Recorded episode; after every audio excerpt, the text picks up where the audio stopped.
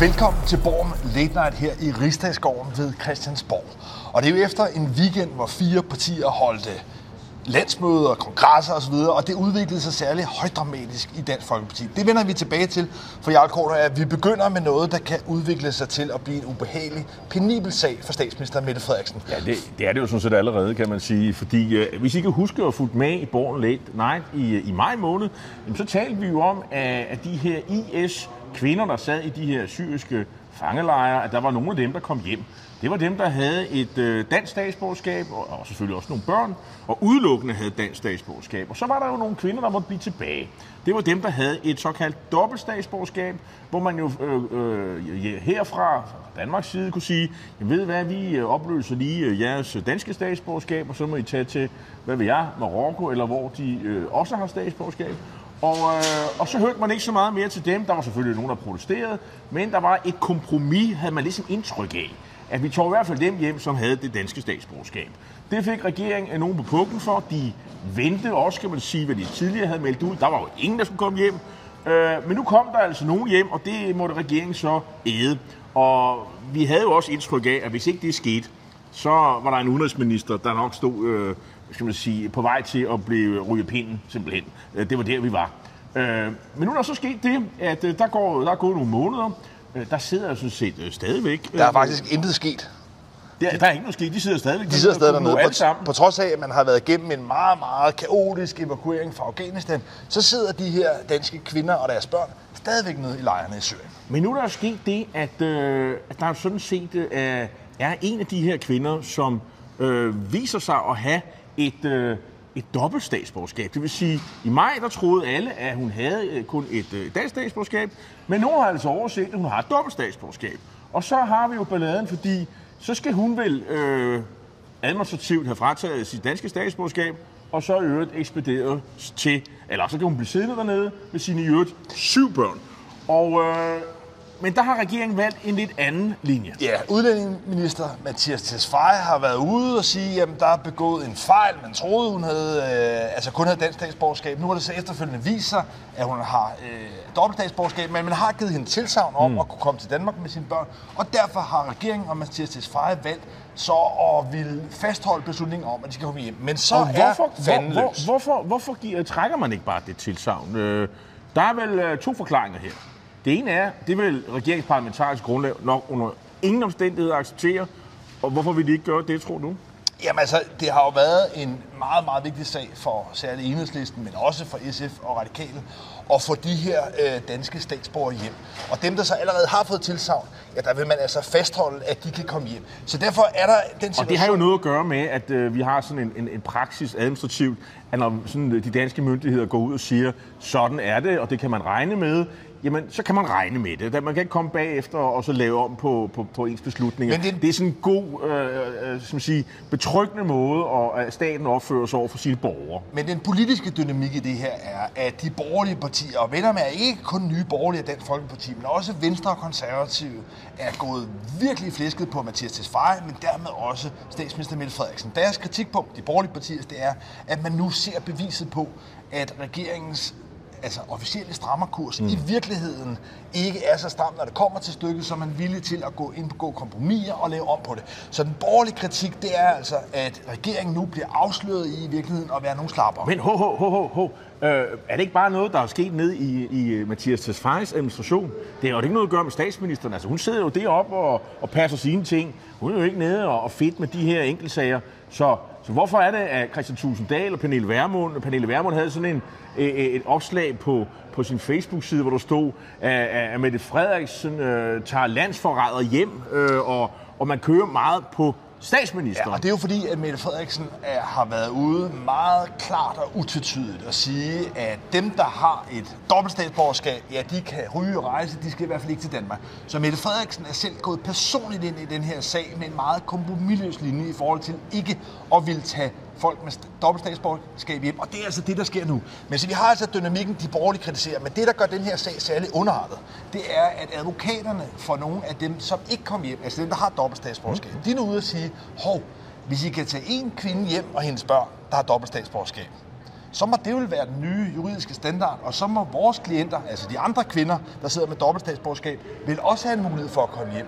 Og det er sådan set jo et, et rimeligt nok argument, i hvert fald for forsvarsadvokaterne, og det kan udløse, at venstrefløjen, enhedslisten, SF, men også de radikale, nu vil sige, at hov, hvis I tager nogle af dem hjem med dobbeltstatsborgerskab, så må det gælde alle. Og det vil sige, at Socialdemokratiet er altså havnet i en rolle, hvor de bliver kritiseret af de borgerlige partier for at være nogle slapper, og er venstrefløjen for i virkeligheden at køre med en dobbeltstandard. Ja, og retsløse tilstande. Altså, Øh, alle kan jo sætte sig ind i, at øh, hvis øh, en, der bor i Sønderborg, får en anderledes behandling i en hvilken som helst sag, end, end, end en, der kommer fra Næksø, det er min hjemby på Bornholm, så vil alle flippe helt ud, og det vil være en kæmpe stor sag i alle formiddagsaviserne og i alle tabloidaviserne. Og nu om dagen, så er stort set alle nyhedsmedier jo tabloid, så det har været en kæmpe sag.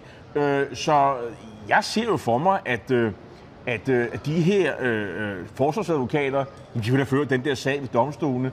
Nu er jeg ikke jurist, men umiddelbart så tror jeg, at det, det ser ud som om, de har en ret god sag her. Men det, der i hvert fald er kernen i det, det er, at det politisk set har udviklet sig til at være en meget betændt sag. Altså ikke kun for udenrigsminister Mathias Frey, men i høj grad også for Mette Frederiksen personligt. Og noget, der vil rulle videre, fordi hele den her konflikt omkring de danske kvinder og deres børn i Syrien er blevet en symbolsag. Det er ligesom en, den sag, aktuel sag, som indkapsler, kan man sige, årtiers kamp på udlændingefronten. Og altså, det handler jo så om uh, Socialdemokratiet og den også regerings troværdighed, udlændingepolitikken, det er statsministerens personlige troværdighed, men det er også en sag, hvor vi allerede ved, fordi der har vi jo set demonstreret i, øh, i foråret, at støttepartierne har grænser, øh, og de er faktisk villige til at sætte fod ned, hvis ikke øh, man makker ret. Og øh, vi ved jo, at øh, Tesfaye har kendt til det her, øh, øh den her skal man sige, øh, fejltagelse siden den 21. august. Så han har jo haft en, øh, en, en måneds tid til at tykke på det her. Måske sondere terrænet, måske finde ud af, kunne man, øh, kunne man slippe af sted med andre måder, end øh, for eksempel at lade hende blive dernede, eller, eller et eller andet. Øh, men at komme frem til, den vej er ikke, øh, men... er, ikke, er, er ikke farbar, så nu må man gøre en, øh, skal man sige, øh, det mindst ringe, det er det, man gør nu. Men ja, det her, det er jo ligesom det øh, indrigspolitiske spil herinde på Christiansborg. Og det er, kan man sige, meget fastlåst og meget, kan man sige, intenst. Spørgsmålet er jo, om den her sag har den folkelige gennemslagskraft, som i hvert fald de borgerlige partier tydeligvis ser ud til at, at tillægge den. Og for så vidt også i forhold til Vesterfløjen, om de kan mobilisere. Altså, jeg kan godt have min tvivl efterhånden om, hvorvidt en så trods alt afgrænset sag vil have, kan man sige, ansatsen til at kunne antænde en meget, meget lidenskabelig udlændingedebat. For det er trods alt, kan man sige, ganske få personer, det, det drejer sig om. Og det er så jo givetvis også øh, altså folk med statsborgerskab. Så, så spørgsmålet er, kan man sige, om det spil, der foregår inde på Christiansborg, om det også knytter an til, at det er en sag, der folkeligt har lige så meget sprængkraft i sig. Det kan jeg godt have min tvivl i forhold til. Det, øh, det tror jeg ikke, det vil mobilisere dem på højrefløjen, der har det synspunkt, at de skal blive hjemme. Og jeg vil sige, der er jo nok mange generelt, i, øh, i, øh, som, som hvor udlændingepolitik spiller en rolle. Øh, statsministeren har jo selv været ude og sige, at de skal aldrig komme hjem, de der IS-kvinder. De har svigtet Danmark. De har, de har vel Danmark ryggen. Og, og, altså, hun har jo selv været helt deroppe på den høje klinge. Øh, og nu står vi her, og jeg vil faktisk ikke blive særlig overrasket, hvis de alle sammen kommer hjem på et eller andet tidspunkt. Det er fordi, at de grunde, vi siger, det er uholdbart sådan rent øh, øh, juridisk, at man kan have øh, to forskellige måder at administrere på. Æh, men øh, så det her ser jeg som et, et, et langvejt nedslidningsslag. Øh, og den handler selvfølgelig om, det handler selvfølgelig om, at slide Socialdemokraterne, regeringen og Mette Frederiksens troværdighed ned i, i øh, om med hensyn til at være en, en hardliner i udlændingepolitik. Ja, det her handler dybest set om at få fremstillet Mette Frederiksen som en, der siger et i en valgkamp, og gør noget andet, når hun sidder i regering. Men heldigvis, øh, kan man sige, øh, øh, for, for Dansk Folkeparti, så er det jo sådan noget, en, en sag, der opstår her, som de kan, de kan snakke om. Og så snakker vi måske knap så meget om øh, de øh, problemer, øh, som jeg synes øh, var meget åbenlyse her i weekenden, hvor de holdt årsmøde, øh, fordi Dansk Folkeparti, der holder man nemlig årsmøde, og, øh, og det var lidt mere spændende, end, øh, end det plejer at være. Øh, man så en, en Pia Kærsgaard, øh, som sige, i sin, i sin øh, gestikulation under landsmødet, årsmødet, øh, hvor hun jo meget utilfreds med Martin Henriksens tale. Martin Henriksen, som jo er konsulent ansat øh, i Dansk Folkeparti, øh, og også nu blev genvalgt til hovedbestyrelsen, øh, i øvrigt med et pænt stort øh, stemmetal, til trods for, at han jo har været i opposition til ledelsen. Det har han jo sådan kørt en lang kampagne på. Øh, men øh, hvad hedder det, Pia Kærsgaard var utilfreds, og man kan også sige, øh, hvad der måske også stod klart rimelig øh, øh, længe, det er, at Christian, øh, øh, Christian, hvad hedder det, Christian Tulsendal, øh, partiets formand, blev genvalgt. Men, Lars, er, er der nu ro på, eller hvad? Øh, konklusionen blev vel, at øh, ja, nu ser vi frem til kommunalvalget, og hvad så? Ja, altså, Christian Tulsendal overlevede, men han overlevede med et parti, der nu åbenlyst er flækket og sprækket på kryds og tværs. Og det næste punkt bliver helt rigtigt kommunalvalget. Der er der bygget op til, i virkeligheden med en slet trussel for Pia Kærsgaard, at hvis det ikke lykkes for Dansk Folkeparti at få et hederligt valgresultat, og jeg tror ikke, der er nogen i Dansk Hvad Folkeparti... er det? Ja, men der er ikke gang var et dårligt valg, ja, og, og, og det, det var det, altså på et tidspunkt, hvor de lå på omkring 15 procent ja. i, øh, i meningsmålinger på landsplan. Lige nu er det de sidste målinger, jeg har, der ligger de mellem 4,5 og, og 6,5. Altså godt 5-6 procent, øh, hvis vi skal være flinke. Ja, et hederligt resultat er absolut ikke, at partiet kommer til at gå frem. Jeg tror, alle forventer, at Dansk Folkeparti kommer til at sive yderligere. Men det, Pia Kærsgaard altså nu i virkeligheden truer med, det er, at hvis, hvis det ikke lykkes for partiet den 16. november at bevare byrådsposterne rundt omkring i landet, ja, så byder hun sig faktisk til som, som en mulig ny formand. Så altså, øh, altså det vi faktisk aldrig har set, meget bekendt i hele den politiske Danmarks historie, et comeback til en formand, der gik af for 10 år siden. Altså, jeg, altså jeg, jeg har grænsket den politiske historie. Jeg kan ikke erindre, at man har set et comeback øh, fra en, en afgående formand.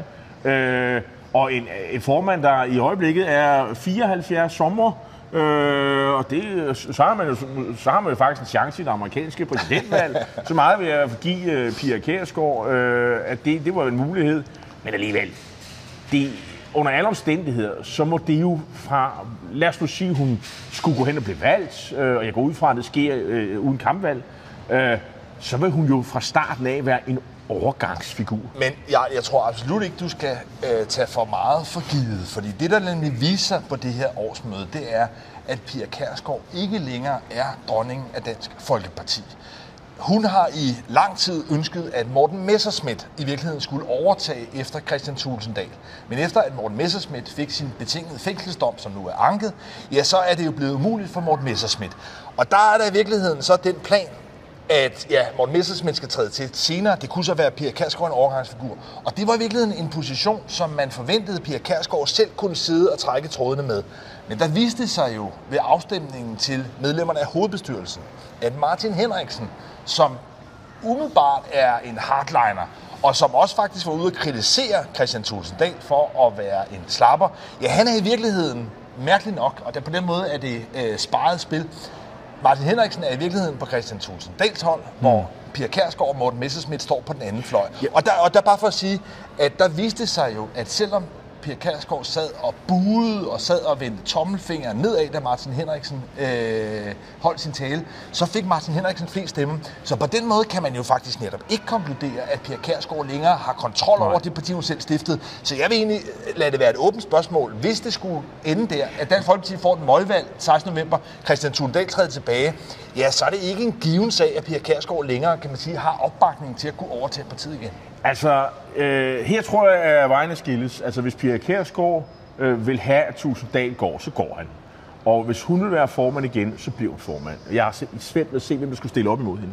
Øh, men altså, alt, alting kan ske, og på den måde, så minder det lidt, øh, altså uforudsigeligheden er jo tilbage i Dansk Folkeparti for første gang øh, siden, at det blev stiftet, og ovenpå ruinerne af, af Fremskridspartiet, hvor det jo meget handlede om, hvad skal man sige, måske ikke så meget den, jo, der var en, en, der var en, en uenighed i den, skal man sige, politiske strategi mere end i synspunkterne.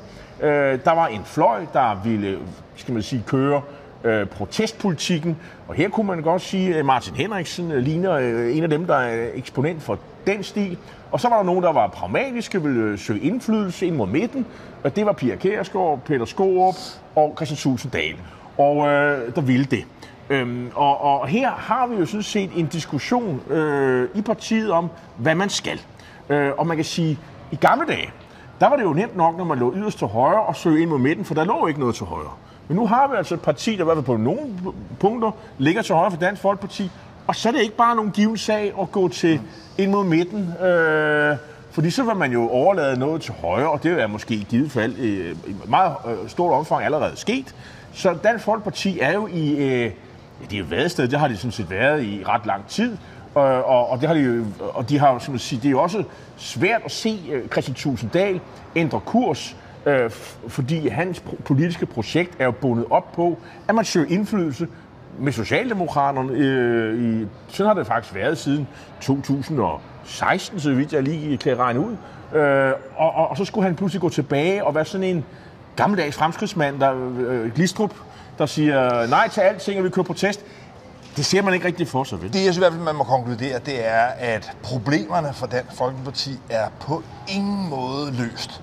Tværtimod er det noget, der vil bluse op, både frem mod øh, altså kommunalvalget, men jo også med hele den her Morten Messersmith-sag, som i virkeligheden kommer til at afgøre meget, hvad det er for en tronfølge, der kommer i Dansk Folkeparti. Og, det, og der har man ligesom set, at Morten Messersmith, han, han, han, han mener jo, det er sådan en, en dommer, der er inhabil og, og, og jo også kulturradikal. Øh, Altså, det er sådan en forestilling om, at, at, retssystemet de sådan, uh, dømmer sådan i flæng uh, og sådan ud af kontekst med, hvad der ligger af beviser og sådan nogle ting. Uh, og det kan man altså blive klappet ind på, det her såkaldte som siger, lov- og orden parti. Altså, Dansk Folkeparti er jo en situation, hvor man har stillet sig hen et sted, hvor man ikke tror på domstolens uafhængighed. Og det, det, det synes jeg er sådan ret skørt, at, at, at, at, man, at, man, at man gør det. Men ikke desto mindre, det er der, de er nu. Og der siger lidt om desperation i, i mine øjne. Men det, man i hvert fald tydeligt kunne se på årsmødet Herning, det er, at der er i dag i virkeligheden kun én person, som for alvor formår at samle Dansk Folkeparti. Og hun hedder Inger Støjberg, som lige nu sidder over i rigsretten over i Ejkveds øh, Pagthus.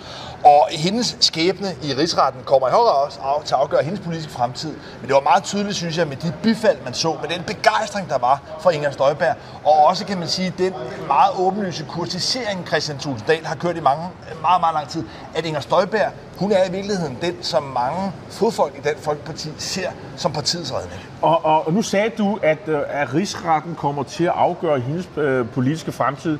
Det tror jeg faktisk ikke, den gør. Fordi uanset hvad de finder frem til i rigsretten, så vil hun stadig være i politik.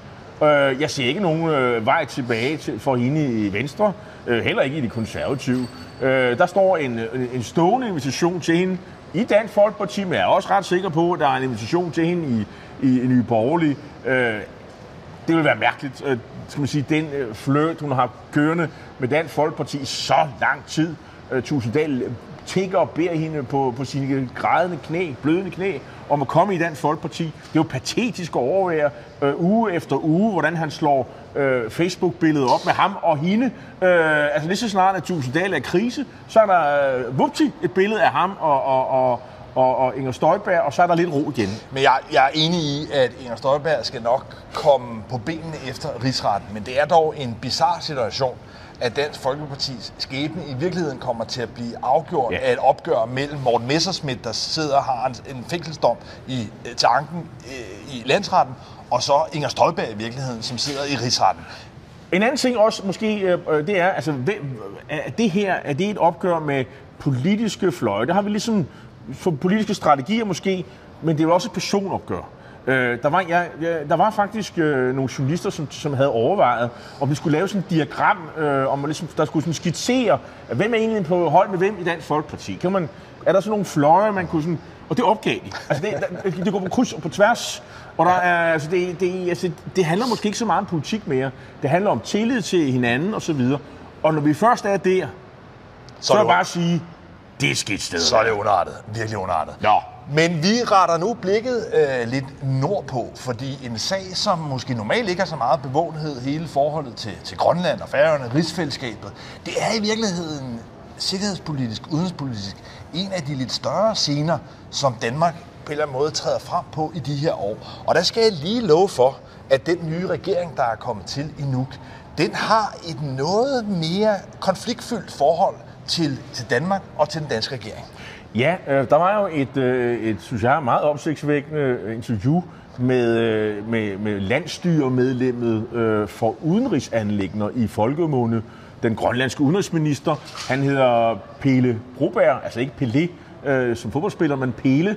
Og øh, en, øh, en herre, som jeg ved, du har interesseret dig meget for. Og, og han sagde øh, to opsigtsvækkende ting. Det eneste, det ene, ene opsigtsvækkende, han sagde, det var, at rigsfællesskabet, det betød ikke noget for ham. Det, det, der var ikke noget indhold i det. Det er muligt, at, at danskerne synes, der var et indhold i rigsfællesskabet. Han så ikke noget af det. Dybt provokerende, øh, og det fik også nogen på, på banen.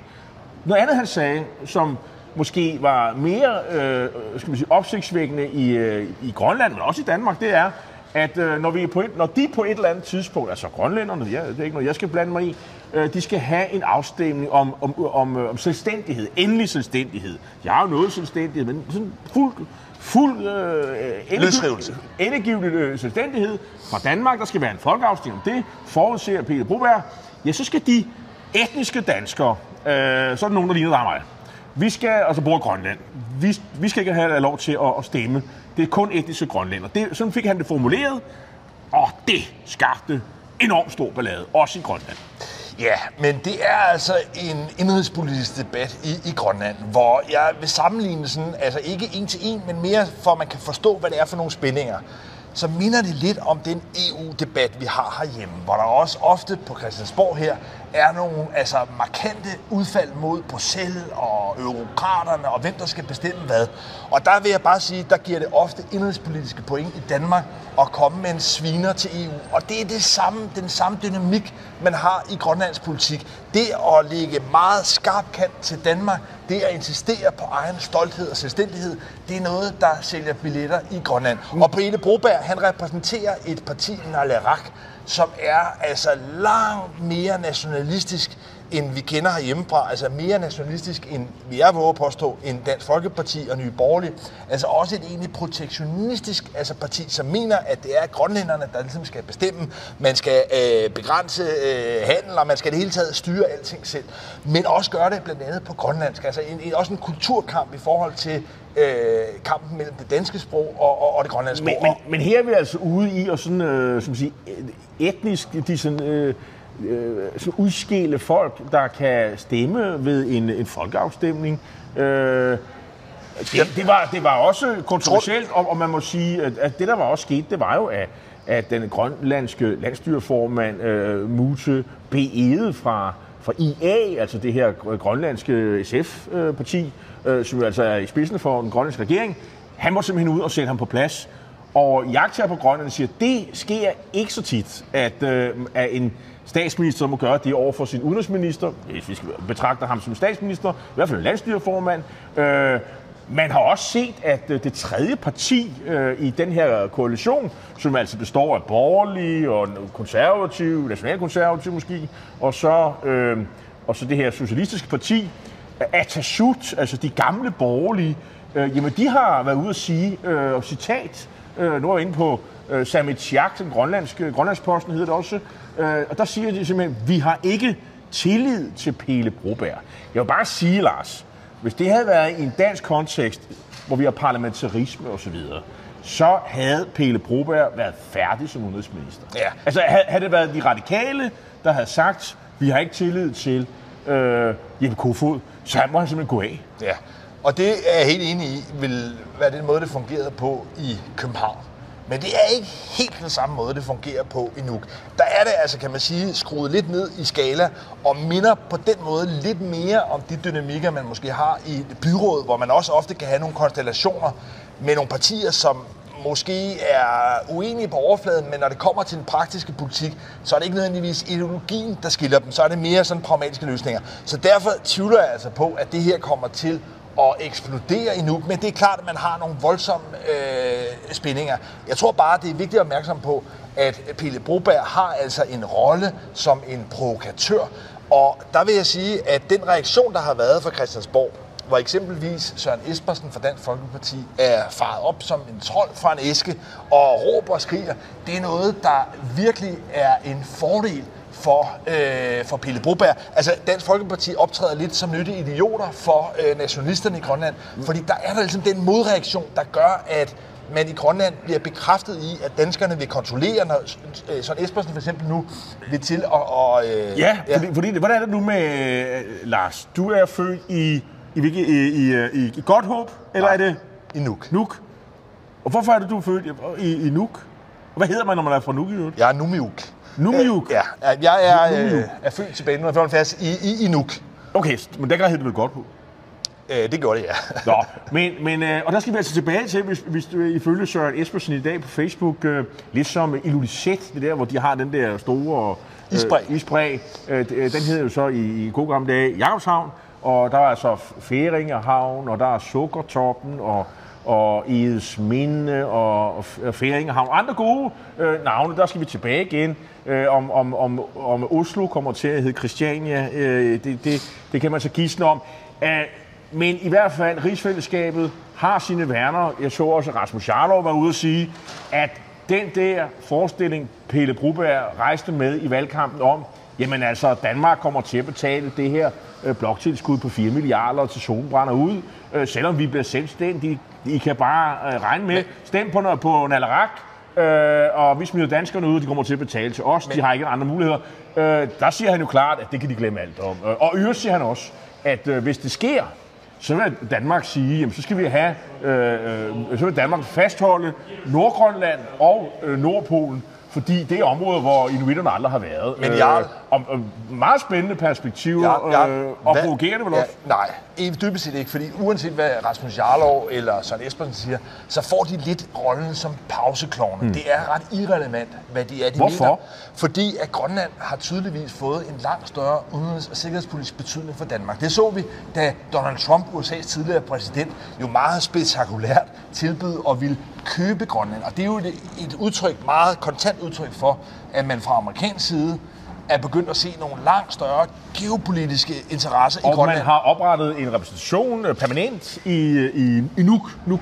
Øh, og der, der sidder jo en, øh, en øh, jeg har jo selv øh, spist frokost med ham, øh, det er en herr Sung, øh, som er jo så er, USA's repræsentant. som er blevet øh, skiftet ud i mellemtiden. Nå, men, okay. men, men, men, men pointen her er altså, at oprettede det styrkeforholdet mellem Grønland og Danmark har ændret sig lidt. Hvor det tidligere har været Danmark, der måske også lidt brugtende og uden større interesse for Grønland, har styret de udenrigspolitiske anlægner, så er der opstået en ny større stolthed i Grønland, som altså bliver spejlet i, at ikke kun USA, men i høj grad også Kina, Rusland, stormagterne interesserer sig for Grønland. Og det betyder altså, at Danmark, uanset om vi bryder os om det eller ej, kommer til at danse lidt mere efter den øh, pibe, der, er, der udspringer fra, fra, øh, fra Nuuk. Så det vil sige, det, du, det korte og lange af det, du siger, det er, Pelle Broberg har fat i den lange ende, og, øh, og Dansk Folkeparti og, og, og de konservative og andre, der måtte mene øh, noget andet, de lever lidt i fortid. Jamen, du skal, er, er, er, er, det, ja, er det der, vi er? Ja, dybest set, fordi du skal sammenligne lidt igen med EU. Hvis man forestiller sig, at der er politikere herinde på Christiansborg, der siger, at det her, det skal vi selv have lov til at bestemme i Danmark. Det er der ikke nogen eurokrater nede på Bruxelles, der skal bestemme. For, og så for, kommer for, der... for eksempel børne, barsel, aftale med For barsel. Og så forestil dig så, at der kommer en eller anden slovakisk kommissær, eller en, en kommissær fra Malta, og siger, nej, det skal EU bestemme, det skal I ikke have lov til at bestemme i Danmark. Tror du, at der er særlig mange politikere i Folketinget, som vil øh, rette ind efter, hvad en kommissær fra Malta eller Slovakiet vil mene? Ja, det kan jeg godt afsløre på forhånd. Man vil grine det ud, og det vil kun blive set som et udtryk for den, kan man sige, sådan en fuldstændig verdensfjerne form for magtfuldkommenhed, der var i processen. Så det, og det samme sker her. Så det vil sige, at vi er lidt i billedet med veteranbilerne i Tivoli, hvor man sidder og drejer frem og tilbage, og man vil til højre og til venstre, men skinnerne er allerede lagt. Ja, men altså i hvert fald kan du sige, at, at der er en så stærk øh, nationalistisk mobilisering i, i Grønland. Det spiller en så stor rolle, at forestillingen om, at man ligesom skulle kunne dæmpe det ved, at man fra dansk side begynder at foreslå, at øh, Nuuk eksempelvis skal hedde Godthåb igen. Det er altså i virkeligheden så verdensfjernt, så man inden kunne tro, det var meget naivt. Jeg tror nu, det er en anden mekanisme, der gør sig gældende. Jeg, jeg, Det tror, jeg tror også, det spiller Esben, også. jeg tror også, vi skal sige, det var noget, sådan Espersen øh, gør og vil arbejde for, øh, men øh, det, det er nok en kompetence, der ligger hos grønlænderne Ja, selv. og, og, og pointen her er jo, hvad de vil kalde øh, deres egne byer. Ja, på samme måde som det her er indrigspolitik i Grønland, så er det jo også indrigspolitik i Danmark. Det er jo på samme måde, at Rasmus Jarlov og Søren Espersen forsøger ligesom, kan man sige, at spille til deres egne øh, deres Ja, eget men, Velkommen. Men vi kan stadigvæk øh, have lov at sige Grønland og ikke Kalalit øh, Nunat. Øh, det, det har vi selvfølgelig lov til, og vi kan kalde øh, byerne, hvad vi har lyst til. Men jeg synes bare, at den interessante pointe her, det er altså, at tiden, hvor man i Danmark ligesom kunne være grønlænderne væk og sige, det er os, der bestemmer, den ser altså ud til at være slut. Og det er jo det, grønlænderne udnytter til at puse lidt mere op. Men her til slut, har Pelle Broberg øh, gavnet sin sag, eller har han skadet sin sag? Fordi han har jo fået smæk derhjemme. Øh, hvad tror du? Jeg tror, at han har gavnet øh, partiet Nalerak, han repræsenterer, som altså kunne sammenligne lidt, hvis folk kan huske øh, den gamle øh, sømandsboss, Preben Møller Hansen, der havde partiet Fælleskurs, som var sådan et virkeligheden sådan nationalkommunistisk øh, parti. Det er lidt den samme øh, tone, der er her, og jeg tror sådan set, at, øh, at Nalerak står styrket ved at indtage den her meget protektionistiske position. Men har så, kan jeg så bemærke, at partiets formand, Hans Enoksen, han har altså ikke været kommentere øh, Pelle Brobergs øh, udtalelser endnu. Det kan være, det kommer. Øh, jeg vil nok mene, og det er der også grønlandske jagttager, som siger, at, øh, at det her har trukket veksler på skal man sige, det interne øh, tillidsforhold i den grønlandske regering. Øh, og i hvert fald så har der i hvert fald øh, øh, øh, påkaldt sig en, en kraftig reaktion fra formanden, der har sat øh, udenrigsministeren på plads. Og samarbejdspartiet har ikke engang har ikke tillid til øh, Pelle Broberg. Nå, Lars, øh, det er tid til at sige tak øh, til øh, seerne. Efter en rundtur både til Næksø og til Nuuk Og, nemlig øh, Sønderborg var vi også omkring, øh, og Bruxelles, som vi plejer. Øh, og Herning. Og Herning. Tak fordi I så med. Øh, vi er tilbage igen næste tirsdag.